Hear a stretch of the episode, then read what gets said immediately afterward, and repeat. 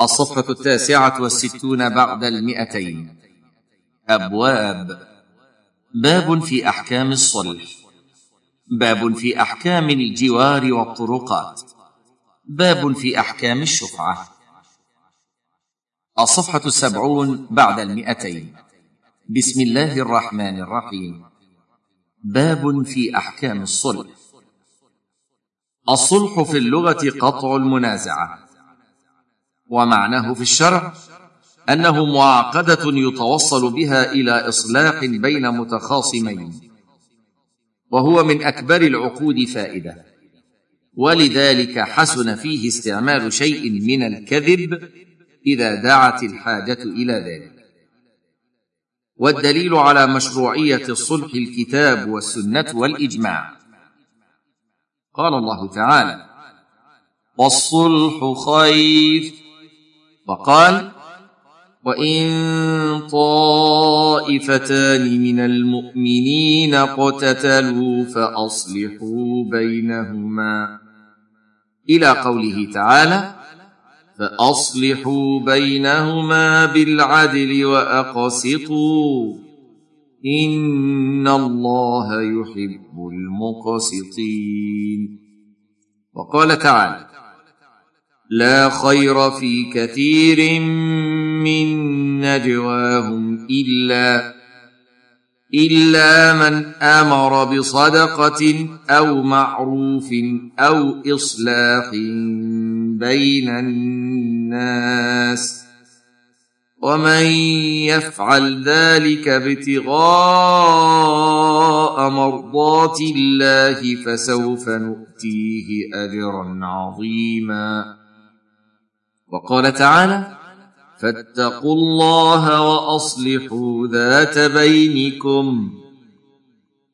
وقال النبي صلى الله عليه وسلم الصلح جائز بين المسلمين إلا صلحا أحل حراما أو حرم حلالا.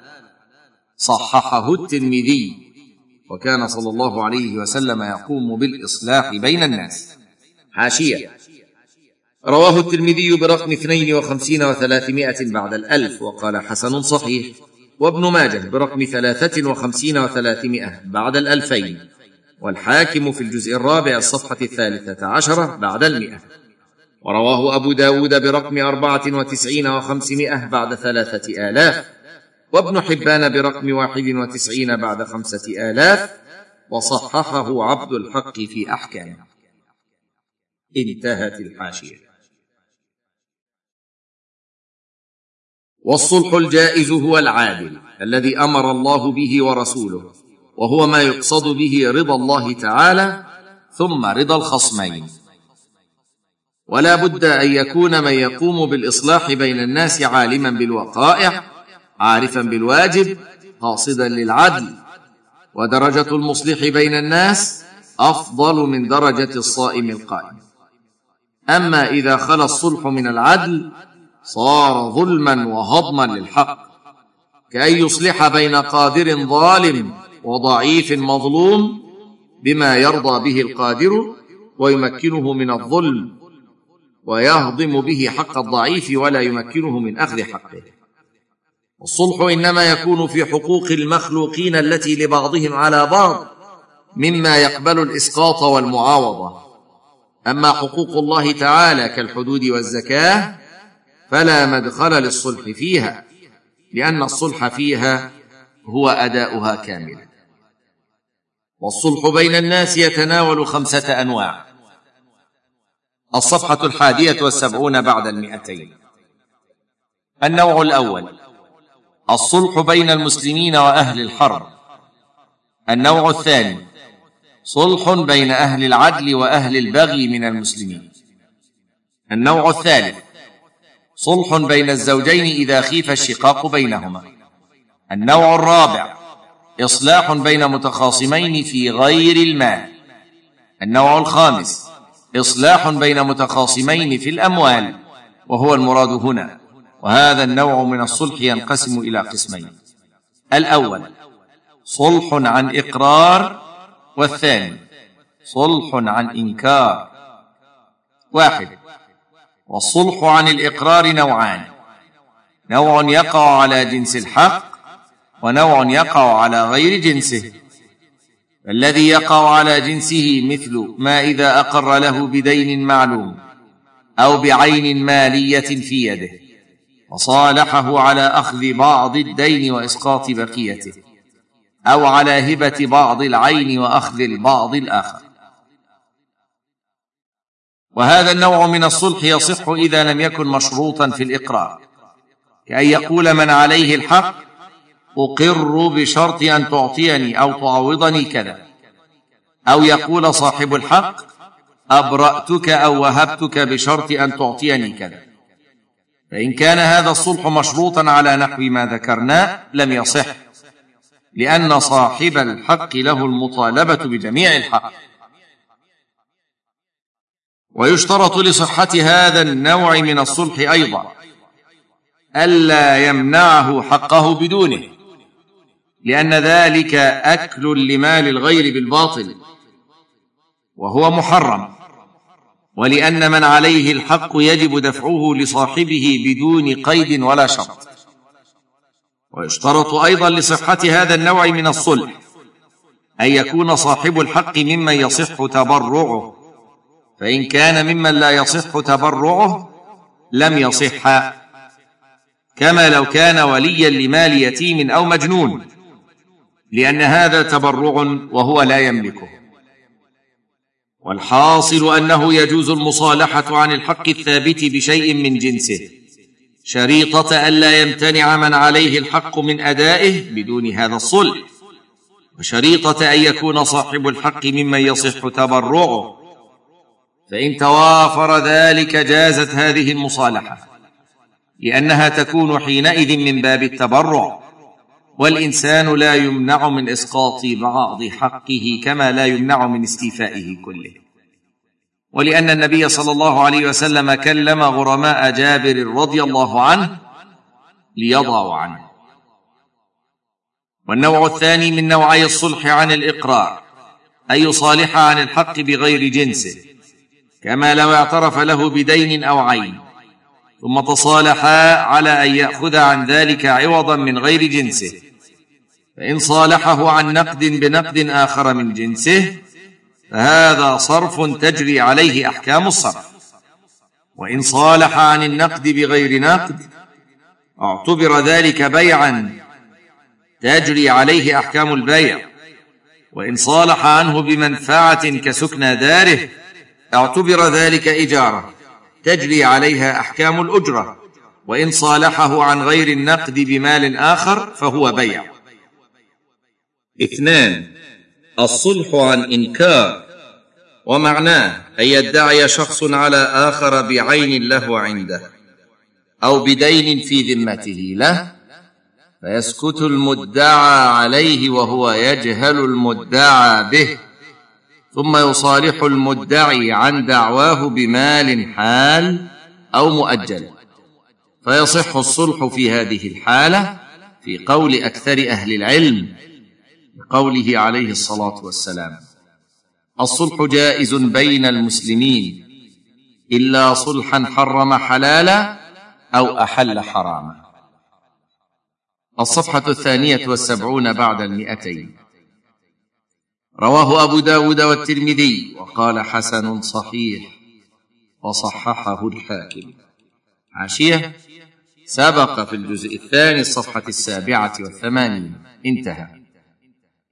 وقد كتب بهذا الحديث عمر إلى أبي موسى رضي الله عنه فصالح الاحتجاج به لهذه الاعتبارات.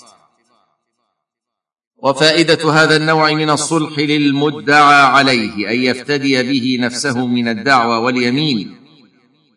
وفائدته للمدعي إراحته من تكليف إقامة البينة وتفادي تأخير حقه الذي يدعيه والصلح عن الإنكار يكون في حق المدعي في حكم البيع لأنه يعتقده عوضا عن ماله. فلزمه حكم اعتقاده فكأن المدعى عليه اشتراه منه فتدخله أحكام البيع من جهته كالرد بالعيب والأخذ بالشفعة إذا كان مما تدخله الشفعة. وحكم هذا الصلح في حق المدعى عليه أنه إبراء عن الدعوى لأنه دفع المال افتداء ليمينه وإزالة للضرر عنه. وقطعا للخصومة وصيانة لنفسه عن التبذل والمخاصمات لأن ذوي النفوس الشريفة يأنفون من ذلك ويصعب عليهم فيدفعون المال للإبراء من ذلك فلو وجد فيما صالح به عيبا لم يستحق رده به.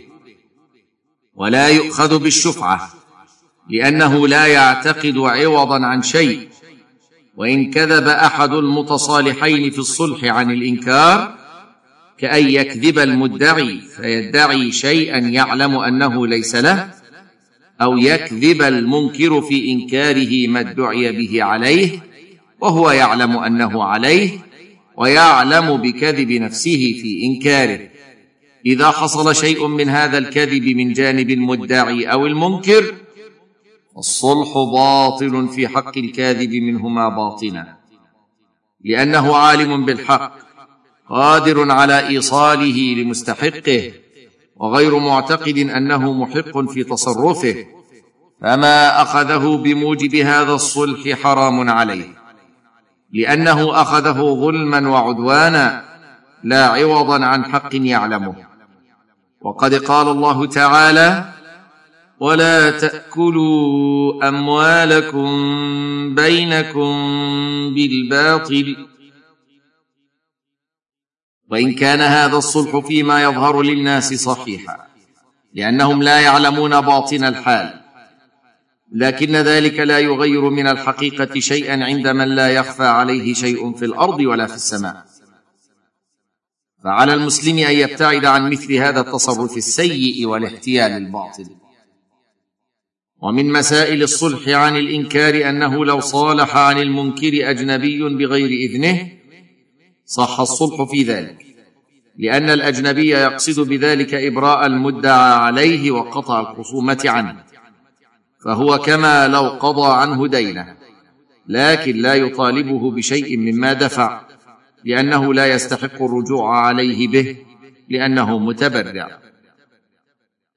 ويصح الصلح عن الحق المجهول سواء كان لكل منهما على الآخر أو كان لأحدهما. إذا كان هذا المجهول يتعذر علمه كحساب بينهما مضى عليه زمن طويل ولا علم لكل منهما عما عليه لصاحبه. الصفحة الثالثة والسبعون بعد المئتين. لقول النبي صلى الله عليه وسلم لرجلين اختصما في مواريث درست بينهما استهما وتواخيا الحق وليحلل أحدكما صاحبه. رواه أبو داود وغيره. حاشية. رواه أحمد في الجزء السادس صفحة العشرين بعد الثلاثمائة. وأبو داود برقم أربعة وثمانين وخمسمائة وثلاثة آلاف. وابن الجارود برقم ألف. والحاكم في الجزء الرابع الصفحة السابعة بعد المئة. وقال صحيح الاسنان وقال ابن الملقن على شرط الصحيح. انتهت الحاشية. ولأنه إسقاط حق فصح في المجهول للحاجة ولئلا يفضي إلى ضياع المال أو بقاء شغل الذمة. وأمره صلى الله عليه وسلم بتحليل كل منهما لصاحبه يدل على أخذ الحيطة لبراءة الذمة وعلى عظم حق المخلوق. ويصح الصلح عن القصاص بالدية المحددة شرعا أو أقل أو أكثر. ولأن المال غير متعين فلا يقع العوض في مقابلته. ولا يصح الصلح عن الحدود لأنها شرعت للزجر ولأنها حق لله تعالى وحق للمجتمع. فالصلح عنها يبطلها ويحرم المجتمع من فائدتها ويفسح المجال للمفسدين والعابثين.